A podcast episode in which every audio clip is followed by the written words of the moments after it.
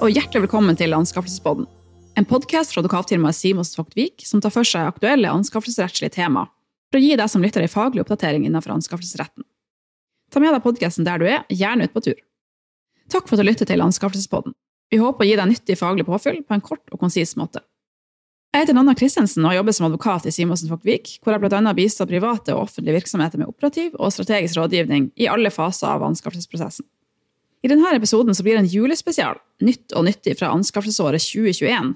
Skal min kollega Nina og jeg ta for oss praksis fra E-domstolen, våre nasjonale domstoler og KOFA, som gjennom det siste året etter vår vurdering har videreutvikla noen sentrale og praktisk viktige tema innen anskaffelsesretten. Hei, Nina. Eh, kan ikke du gi lytterne en kort introduksjon av deg sjøl? Jo, det gjør jeg, Nanna. Jeg heter da Nina Sørensen og er advokat for mektig i Simonsen Fogtvik. Jeg jobber i all hovedsak med offentlige anskaffelser, eh, og bistår både private og offentlige klienter med problemstillinger knyttet til regelverket. Vi skal ta for oss temaene kvalifikasjonskrav, avvisning, tildelingskriterier, leieunntaket i anskaffelsesforskriften og verdigrenser for rammeavtaler. Det vi skal fokusere på i denne episoden, er hvilken praktisk betydning denne videreutviklingen kan få for din virksomhet, enten du er leverandør eller oppdragsgiver. Vi har en del tema temaer vi skal gjennom, så vi får bare sette i gang. Ja, la oss gjøre det.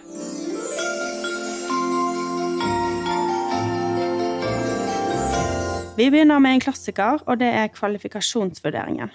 Det er jo sånn at Leverandørene må oppfylle kvalifikasjonskravene på tidspunktet for søknadsfristen, altså frist for å søke om kvalifisering. Samtidig har oppdragsgiver et visst handlingsrom her, og kan be leverandøren om å supplere søknaden dersom det er noe som mangler, eller noe som er uklart.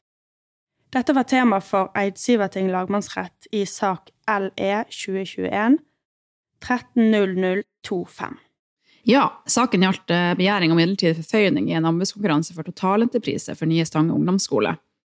En av leverandørene som deltok i konkurransen, anførte at eh, leverandøren som vant, skulle vært avvist pga. Av eh, manglende oppfyllelse av kvalifikasjonskravet i konkurransegrunnlaget, bl.a. Lagmannsretten eh, fastslår innledningsvis at manglende oppfyllelse av et dokumentasjonskrav kun gir avvisningsplikt dersom fraværet av den etterspurte dokumentasjonen gjør at leverandøren ikke kan anses å oppfylle det tilhørende kvalifikasjonskravet. Videre påpeker lagmannsretten at ettersendelsesadgangen etter retts- og nemndspraksis er snever. Her kan vi trekke fram som særlig viktig at både oppdragsgivere og leverandører er oppmerksom på at leverandørene kun kan ettersende forpliktelseserklæringer dersom det fremgår av tilbudet at tilbyderen mente å støtte seg på underleverandører, og at disse underleverandørene har ment å avgi støtte.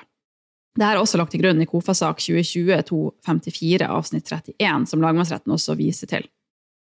I saken fra lagmannsretten hadde vinnende leverandør opplista flere underleverandører i egen liste i tilbudet, men hadde ikke levert forpliktelseserklæringer, og i SPD-skjemaet hadde de heller ikke kryssa av for at selskapet støtta seg på andre for å oppfylle kvalifikasjonskravet i konkurransen. Lagmannsretten uttaler at oppdragsgiver i den aktuelle saken uansett hadde begrensa sin adgang til å be om ettersending av forpliktelseserklæring gjennom spørsmål og svar, ved at de hadde presisert at forpliktelseserklæring skulle vedlegges tilbudet, og at det ikke var adgang til ettersending. Ja, eh, denne problemstillingen er nok eh, kanskje ganske praktisk, eh, dessverre. Leverandøren har rett og slett glemt eller oversett formalia som forpliktelseserklæringer og ESPD-skjema. Og I denne saken valgte da kommunen som var oppdragsgiver, å sende et brev til leverandøren og be om at forpliktelseserklæring og utfylt SPD-skjema ble ettersendt etter eh, kvalifikasjonsfristen, og det gjorde da leverandøren. Så her eh, leder oppdragsgiver seg selv inn i et, eh, spør du meg, ganske klart brudd på regelverket. Det de nok burde ha gjort, var rett og slett å avvise tilbudet fordi forpliktelseserklæring og ESPD-skjema manglet. Ja, så ved å prøve å ordne opp i leverandørens feil, så havna kommunen sjøl i problemer. Ja, eh, og det leder oss videre til KOFA-sak 2020-515, som ble behandlet i stornemnd. Her hadde Gjøvik kommune gjennomført en åpen tilbudskonkurranse etter anskaffelsesforskriften del 2, som gjaldt ombygging av eh, sykehus til legevakt. Det rettslige spørsmålet i saken er egentlig sammenfallende med lagmannsrettssaken som vi nettopp var innom, Nanna. Når må kvalifikasjonskravene være oppfylt, og i hvilken grad kan det aksepteres at kvalifikasjonskravene oppfylles etter fristen, som for ettrinnsprosedyrer vil være tilbudsfristen, og for totrinnsprosedyrer vil være fristen for eh, søknad om kvalifikasjon. Så I KOFA-sak 2021-515 var spørsmålet om valgte leverandør oppfylte kvalifikasjonskravet om ansvarsrett til disse byggearbeidene.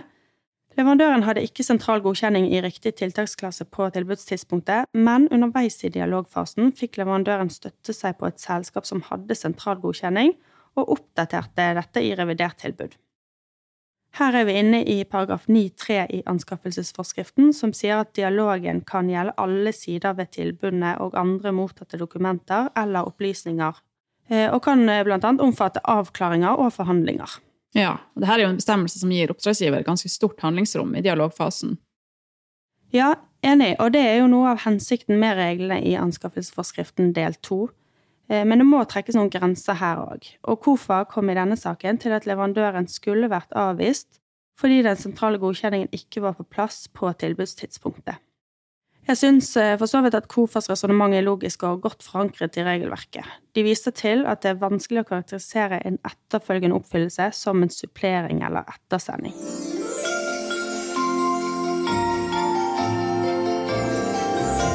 Eh, nå skal vi videre til neste tema, avvisning av tilbud. Vi skal først se nærmere på KOFA-sak 2020-489, som gjaldt en totalentreprisekontrakt med Samspill for oppføring av ny videregående skole og vitensenter. Anskaffelsen ble gjennomført etter anskaffelsesforskriften del 3. Før vi går inn i de konkrete forholdene i denne saken, så kan vi bare nevne et viktig poeng for kontrakter om samspillsoppdrag. Selve samspillet mellom oppdragsgiver og leverandør og videreutviklinga av prosjektet skal skje etter tildeling av kontrakt, altså i gjennomføringsfasen. Før tildeling skal det gjennomføres en konkurranse på vanlig måte, og tilbudene må være sammenlignbare.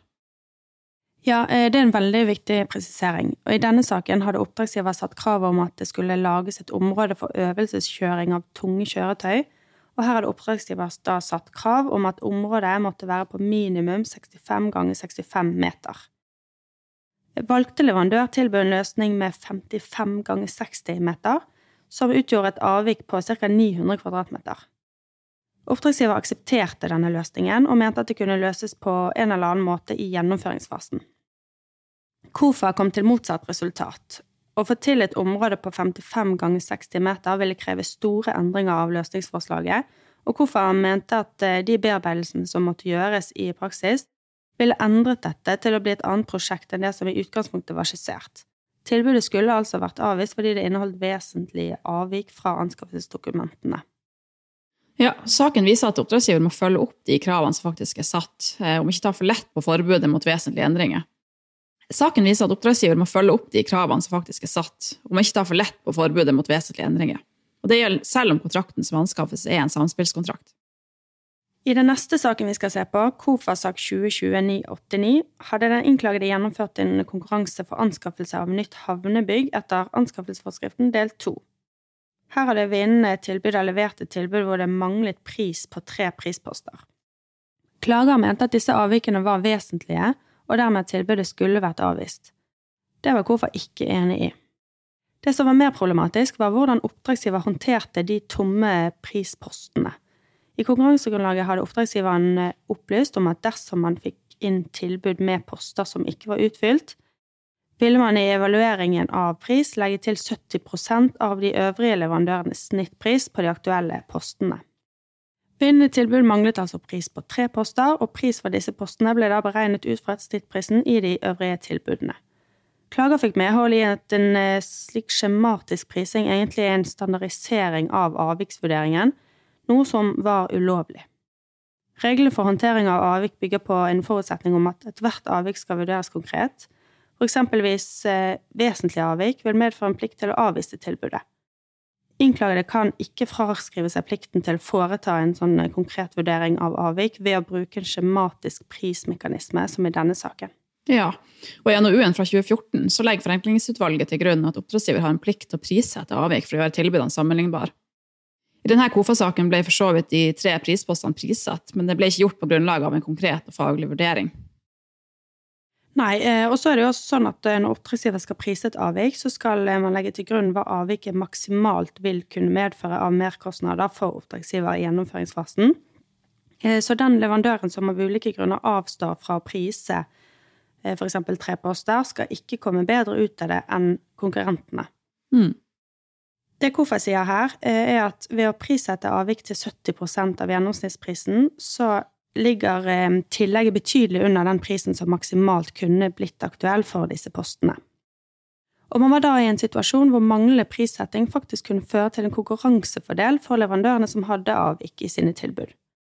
At denne standardiserte metoden var tydelig formidlet og anvendt konsekvent, kunne ikke tillegges vekt.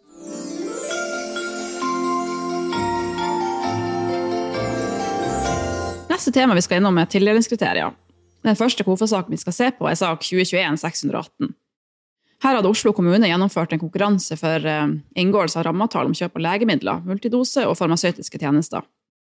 Klager anførte at tildelingskriteriet bestilling av multidoser var ulovlig. Vi kan jo nevne at kriteriet ble vekta 40 så det er klart at leverandørenes bestillingsløsning hadde forholdsvis store utslag på konkurransen. Oppdragsgiver hadde her bedt om at bestillingsløsningene fortrinnsvis skulle være et elektrisk webbasert system. Klager påsto bl.a. at kriteriet var utforma i strid med kravene til likebehandling og konkurranse i eh, anskaffelsesloven paragraf 4, ved at innholdet i kriteriet var basert på eksisterende leverandørsystem. Ja, her har KOFA noen interessante prinsipielle uttalelser for de tilfellene hvor en eksisterende leverandør deltar i konkurransen. KOFA ser først konkret på funksjonsbeskrivelsene i konkurransegrunnlaget, og uttaler at ingen av de etterspurte funksjonene fremstår som utypiske eller særskilt tilpasset eksisterende leverandørs bestillingsløsning. Videre slår KOFA fast at regelverket ikke er til hinder for at eksisterende leverandører konkurrerer med leverandører som kanskje har noe svakere posisjon, eller at kontraktene faktisk tildeles leverandører som har dette fortrinnet. Mm. At eksisterende leverandører deltar i konkurranse, skjer jo stadig vekk. Og det er jo klart at uh, denne leverandøren normalt vil ha visse fordeler. Her kan vi også kort nevne KOFA-sak 2021-1148, som gjaldt samme anskaffelse som vi nettopp var gjennom. Men klager var da en annen leverandør. Her går KOFA enda lenger inn i problemstillingene knytta til eksisterende leverandør. Vi skal ikke gå gjennom faktum i den saken, som er ganske omfattende, men avgjørelsen er ganske tydelig på hvilke krav KOFA stiller til en oppdragsgiver som gjennomfører konkurranse hvor eksisterende leverandør deltar. KOFA uttaler at oppdragsgiver i visse tilfeller kan ha en aktivitetsplikt for å redusere og eventuelt utjevne konkurransefordel som en tilbyder har i kraft av å være eksisterende leverandør. Denne plikten er utledet av de grunnleggende prinsippene om konkurranse og likebehandling. Ja, eh, og omfanget av oppdragsgivers plikt til å redusere eller utjevne konkurransefordeler avhenger av de konkrete forholdene i den enkelte saken. Det er annet relevant hvor enkelt og rimelig det er å redusere konkurransefortrinnet, og et annet viktig moment er om en reduksjon av et konkurransefortrinn kan føre for langt i den andre retningen og faktisk tilsidesette eksisterende leverandør. Så som så ofte ellers, så må oppdragsgiver og KOFA gjøre en avveining mellom eh, nye leverandørers behov og eksisterende leverandørs posisjon. Mm. Den neste saken vi skal se på som gjelder tildelingskriterier, er KOFA-sak 2020-146, som vi også var innom i episode tre av Anskaffelsesboden. I forbindelse med utbygging av Bybanen i Bergen gjennomførte Bybanen utbygging i konkurranse med forhandling for inngåelse av rammeavtale for mindre tilleggsarbeider, f.eks. oppføring av mindre murer, montering av gjerder, asfaltarbeid, landskapsarbeid, VA-arbeid osv. Klager anførte bl.a. at tildelingskriteriet gjennomføringsevne og oppgaveforståelse var ulovlig, og at Bybanen hadde brutt regelverket ved evalueringen. Som en del av dette tildelingskriteriet skulle leverandørene gjøre rede for tiltak leverandøren kan bidra med, slik at Bybanen utbygging kan redusere sitt klima- og miljøavtrykk. Her overlater altså oppdragsgiver til leverandørene å selv komme med tiltak som kan redusere oppdragsgiveren sitt miljøavtrykk. Og evalueringen blir eh, gjort på bakgrunn av tilbyders forståelse for oppdraget og hvordan tilbyder vil gjennomføre oppdraget. Det gis ingen eh, konkret informasjon om type miljøtiltak oppdragsgiver vil premiere, f.eks. Ja, og det er jo en ganske vid og romslig formulering. Så er jo spørsmålet om kriteriene er så skjønnsprega at de gir oppdragsgiver en såkalt ubegrenset valgfrihet. Og dette er viktig, for i anskaffelsesregelverket så oppsettes det en ytre grense for oppdragsgivers innkjøpsfaglige skjønn. Eh, I anskaffelsesforskriften paragraf 18-1 og forsyningsforskriften paragraf 14. Klager anførte bl.a. at tildelingskriteriet ikke var tilstrekkelig klart, og at det ga oppdragsgiver en slik ubegrensa valgfrihet, i strid med anskaffelsesregelverket. Ja, eh, men KOFA var ikke enig i dette, og kom til at tildelingskriteriet var lovlig.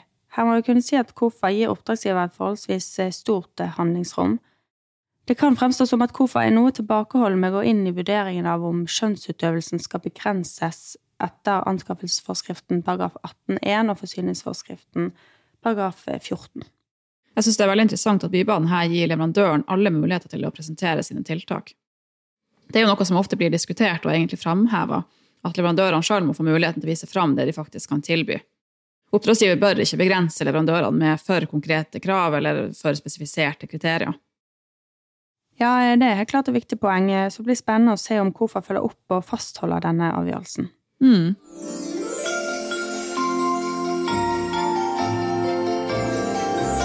Da skal vi se nærmere på en sentral avgjørelse fra EU-domstolen som omhandler leieinntaket i anskaffelsesforskriften paragraf 2-4, nemlig sak C537-19, Wienerwohnen. Saken gjaldt inngåelse av en leiekontrakt for en kontorbygning i Wien, som ikke var oppført på tidspunktet for inngåelse av leiekontrakten. EU-domstolen gjentok at leieuttaket også kan gjelde i et slikt tilfelle. Selv om oppdragsgiver hadde stilt omfattende krav med høyt detaljnivå, ble oppdragsgiver ikke ansett å ha hatt avgjørende innflytelse på arbeidets art eller planlegging, og EU-domstolen kom med en rekke avklaringer i den forbindelse. Ja, Spørsmålet var om oppdragsgiver hadde stilt krav som oversteg de kravene som en leietaker vanligvis stiller til en bygning av denne typen. Som en utdypning av tidligere praksis om skille mellom påvirkning på ytre og indre deler av bygningen, uttalte EU-domstolen i Wienervonen at en leietaker har avgjørende innflytelse på prosjekteringen dersom man har hatt innflytelse på denne bygningsarkitektoniske struktur, så som dens størrelse, dens yttermurer og dens bærende vegger. Krav vedrørende innvendige innretninger kan kun anses for å påvise en avgjørende innflytelse hvis de utmerker seg på grunn av deres særpreg eller omfang. Eh, det fremgår av eh, premiss 53. EU-domstolen uttalte at det var praksis i markedet at det ikke ble utarbeidet detaljprosjektering med detaljerte arkitekttegninger før leiekontrakter ble inngått. At det på tidspunktet for inngåelse av leiekontrakten ikke forelå et komplett arkitektonisk prosjekt eller en byggetillatelse, innebar ikke at oppdragsgiver hadde hatt avgjørende innflytelse, jf. premiss 74.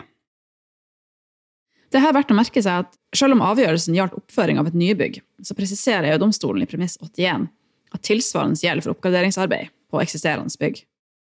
EU-domstolen uttalte at antall krav som var stilt, og detaljnivået på kravene var høyt, men det avgjørende var om disse kravene gikk lengre enn det som var normalt. Leietakeren hadde gått utover lovbestemte krav og stilt krav til energiforbruk og miljøpåvirkning. At en langsiktig leietaker ønska en høy standard for et bygg som skulle ha en lang levetid, gikk ikke utover hva som var normalt. Det var også annet stilt krav til heisene, innvendig høyde, type avløpsrør, bæreevne, type kjølesystem og ekstra kraftig elektrisitetsforsyning. Dette gikk ikke utover hva som ble ansett normalt. Det ble også vektlagt at eh, bygningen ble oppført sånn at eh, det skulle være enkelt å leie den ut til andre leietakere etter opphør av denne leiekontrakten. Nødutgangene og heisene var plassert rundt i bygget, slik at det ikke bare var mulig å leie ut etasjene separat, men man kunne også eh, ha flere leietakere i hver etasje. Avgjørelsen fra EU-domstolen gir støtte for at så lenge leietakeren ikke stiller krav som gjelder bygningens arkitektoniske struktur, så vil en leietaker i en situasjon hvor en eiendomsutvikler allerede har utviklet en eh, grovskisse, kunne stille krav for å oppnå ønsket kvalitetsnivå og funksjonaliteter. Mm. Videre i KOFA-sak 2020-612, som gjaldt eh, en inngått avtale om leie av deler av et kontorbygg som skal oppføres på en eiendom på Voss, eh, var spørsmålet om avtalen var omfattet av leieunntak i anskaffelsesforskriften paragraf 2-4. Klager anførte at kontrakten i realiteten var en bygge- og anleggskontrakt, og at oppdragsgiver dermed hadde gjennomført en ulovlig direkteanskaffelse ved ikke å kunngjøre konkurransen. I vurderinga viste KOFA til eh, sak C53719, altså Wienerwohnen, som vi var inne på nettopp, og uttaler at et sentralt moment i vurderinga er om oppdragsgiver kun har stilt krav som leietakere i alminnelighet vil kunne stille, eller om man har gått utover det her ved å spesifisere tilpasninger til egne behov, og i så fall om disse ekskluderer andre leietakere. Hvor det da altså ble henvist til, til eh, eh, premiss 53, jf. premiss 39. KOFA fant at leiekontrakten i denne saken gjaldt ordinære kontorlokaler uten noen spesiell utforming, Eh, og kunne heller ikke se at kontorlokalene var utformet i tråd med noen særskilte krav eller tilpasninger i tilknytning til oppdragsgivers bruk av lokalene. Leieunntaket kom derfor til anvendelse.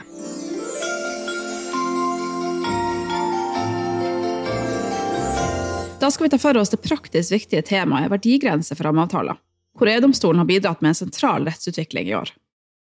Ja, eh, etter EU-domstolens avgjørelse i sak C216-17 Eh, har det vært omdiskutert hvorvidt det kan oppstilles krav til å angi maksimalverdi i en rammeavtale, og eventuelle konsekvenser dersom maksgrensen overskrides. EU-domstolen klargjorde dette i en sak som ble avsagt i sommer, sak C2320. Ja, EU-domstolen bekrefter at det er et krav å oppgi rammeavtalens estimerte maksimale verdi og det maksimale uttaket under rammeavtalen, enten i mengde eller verdi. Når grensen for det maksimale uttaket er nådd, så vil rammeavtalen i utgangspunktet være brukt opp. Dersom oppdragsgiver gjør avrop utover det maksimale uttaket, vil dette kunne utgjøre en ulovlig direkteanskaffelse. Ja, så er det jo sånn at rammeavtaler lovlig kan endres i henhold til kapittel 28 i anskaffelsesforskriften og kapittel 24 i forsyningsforskriften. Det innebærer at eh, det til tross for kravet om maksuttak i rammeavtalen likevel kan gjøres endringer i rammeavtalen som ikke er vesentlige.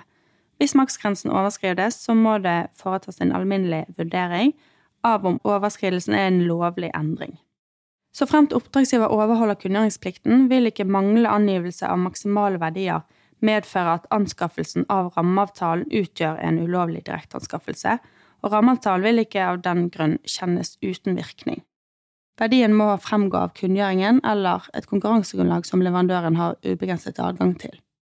Dersom oppdragsgiver ikke kunngjør en maksgrense i en konkurranse, så vil det i utgangspunktet være en anskaffelsesrettslig feil som kan tenkes å gi grunnlag for avlysning eller erstatning. Hvilke konsekvenser kan det få for eh, oppdragsgiver, Nanna? Ja, EU-domstolen eh, understreker at så lenge kontrakten i seg selv er korrekt kunngjort, så fører ikke manglende opplysning om rammeavtalens verdi til at en kontrakt kan kjennes uten virkning, som følge av en ulovlig direkteanskaffelse. Dette vil ifølge EU-domstolen være en uforholdsmessig sanksjon ettersom kontrakten er kunngjort, og den manglende verdsettelsen dermed også blir synlig for markedet. Det å ikke fastsette verdien kan likevel utgjøre feil som etter sin art kan lede til f.eks. en avlysningsplikt. Men dette beror på en konkret vurdering av hvorvidt konkurransens utfall kan være påvirka, dersom feilen ikke var begått, eller om feilen kan ha innvirka på deltakelsen i konkurransen, og avholdt av leverandører fra å delta. Feilen vil eh, derimot neppe utløse et erstatningsansvar for en positiv kontraktsinteresse, ettersom det forutsetter et fortjenestetap hos leverandøren som det blir vanskelig å påvise i et slikt tilfelle. Ja, eh, og tilsvarende gjelder nok for den negative kontraktsinteressen, ettersom det i kravet til årsakssammenheng forutsettes at oppdragsgiverens regelbrudd er årsaken til leverandørens tap, og vilkåret er om leverandøren ikke vil ha deltatt i konkurransen dersom feilen som ville blitt begått, var kjent. Hvis en konkurranse er kunngjort uten et makstak, altså rammeavtalens anslåtte verdi eller maksimale uttak, så vil det være et forhold leverandøren er kjent med allerede fra kunngjøringstidspunktet. Og sånn sett så vil det være leverandørens egen risiko å levere tilbud i en konkurranse med et ukjent maksimalt omfang. Mm. Det er også et krav om å oppgi da maksimal verdi, og et maksimalt uttak under rammeavtalen, enten i mengde eller verdi. Oppdragsgivere må derfor før utlysning av konkurranser fastsette to ting. For det første et samla forventa omfang, og for det andre et maksimalt uttak. Verdiene kan fastsettes enten i pengeverdi eller i en mengde varer eller tjenester. Så Det handler også her om å få oversikt over historiske tall eller statistikk, f.eks. fra eksisterende leverandør, og kunne da estimere et omfang basert på de her tallene i lys av hva man tror rammeavtalen vil bli brukt til fremover. Rammeavtalen kan bare benyttes frem til det maksimale uttaket er nådd. I dette ligger det at oppdragsgiver må ta høyde for uforutsette behov og sette et makstak som er litt høyere enn forventa uttak, slik at rammeavtalen da ikke må avsluttes tidligere enn planlagt. Samtidig så er det viktig å være bevisst på at makstaket ikke kan settes urealistisk høyt, da oppdragsgiver må foreta en forsvarlig vurdering av forventa omfang og maksimalt uttak på tidspunktet for kunngjøring av konkurransen. For anskaffelser som ikke krever kunngjøring, så er beregninga eh, slik at det må være forsvarlig på det tidspunktet oppdragsgiveren innleder anskaffelsesprosessen. Og Dette følger av anskaffelsesforskriften paragraf 5-4. Så Nina, så er spørsmålet hvordan bør oppdragsgivere innrette sin anskaffelsespraksis etter EU-domstolens sak i C2320? På bakgrunn av den saken så oppfordres oppdragsgivere til å innrette sin anskaffelsespraksis og kontraktsoppfølging sånn at man har kontroll over utførte uttak på eksisterende rammeavtaler for å unngå at man går over den maksimale verdifastsettelsen og uttaksgrensen som vil utgjøre en endring av avtalen som kun er lovlig dersom den ikke er vesentlig. Når eh, adgangen til å utføre eventuelle endringer er nådd, så må oppdragsgiver avslutte rammeavtalen og utlyse en ny konkurranse for å unngå eventuelle rettslige konsekvenser ved at endringen til slutt kan utgjøre en ulovlig direkteanskaffelse eh, når maksgrensen overskrides vesentlig.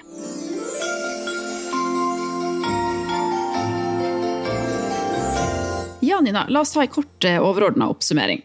Den praksisen vi nå har gjennomgått fra EU-domstolen, våre nasjonale domstoler og KOFA, gjennom det siste året viser en videreutvikling innen de sentrale og praktisk viktige temaene kvalifikasjonskrav, avvisning, tildelingskriterier, leieinntak i anskaffelsesforskriften og verdigrense for rammeavtaler. Ja, Vi håper at denne gjennomgangen har bidratt til en bevisstgjøring av hvordan eh, du kan gjennomføre anskaffelsesprosesser fremover i lys av de sakene som vi har vært gjennom. Og kanskje er du som leverandør blitt bevisst på hvilke vurderinger oppdragsgiver må gjøre i ulike typer saker, og hvordan disse vurderingene kan påvirkes og utfordres eh, gjennom anskaffelsesprosessen. Da eh, runder vi av og takker for oss. Ja, eh, og så kan vi jo nevne helt på tampen at Simonsen Fogtvik har et nyhetsbrev som heter Nytt og nyttig fra anskaffelsesretten. Det publiseres månedlig på anbud 365, for dere som ikke har fått med dere det. Ja, I nyhetsbrevet gir vi en oversikt over ny praksis fra EU-domstolen, våre nasjonale domstoler og KOFA, så der lønner det seg å følge med. Tusen takk til våre lyttere som vi håper har fått nyttig faglig påfyll i denne julespesialen. Husk å følge Anskaffelsespodden enten på Spotify eller på Apple Podcasts for å få med deg de siste episodene. Har du spørsmål til Anskaffelsespodden eller temaforslag, send oss gjerne en e-post til podcast.svw.no. Kjære lyttere, ønsker deg hjertelig velkommen til neste podkast-episode. Og i mellomtida så ønsker vi dere ei riktig god jul og et godt nytt år. Så høres vi i sesong to i januar 2022. Ha det bra! Ha det!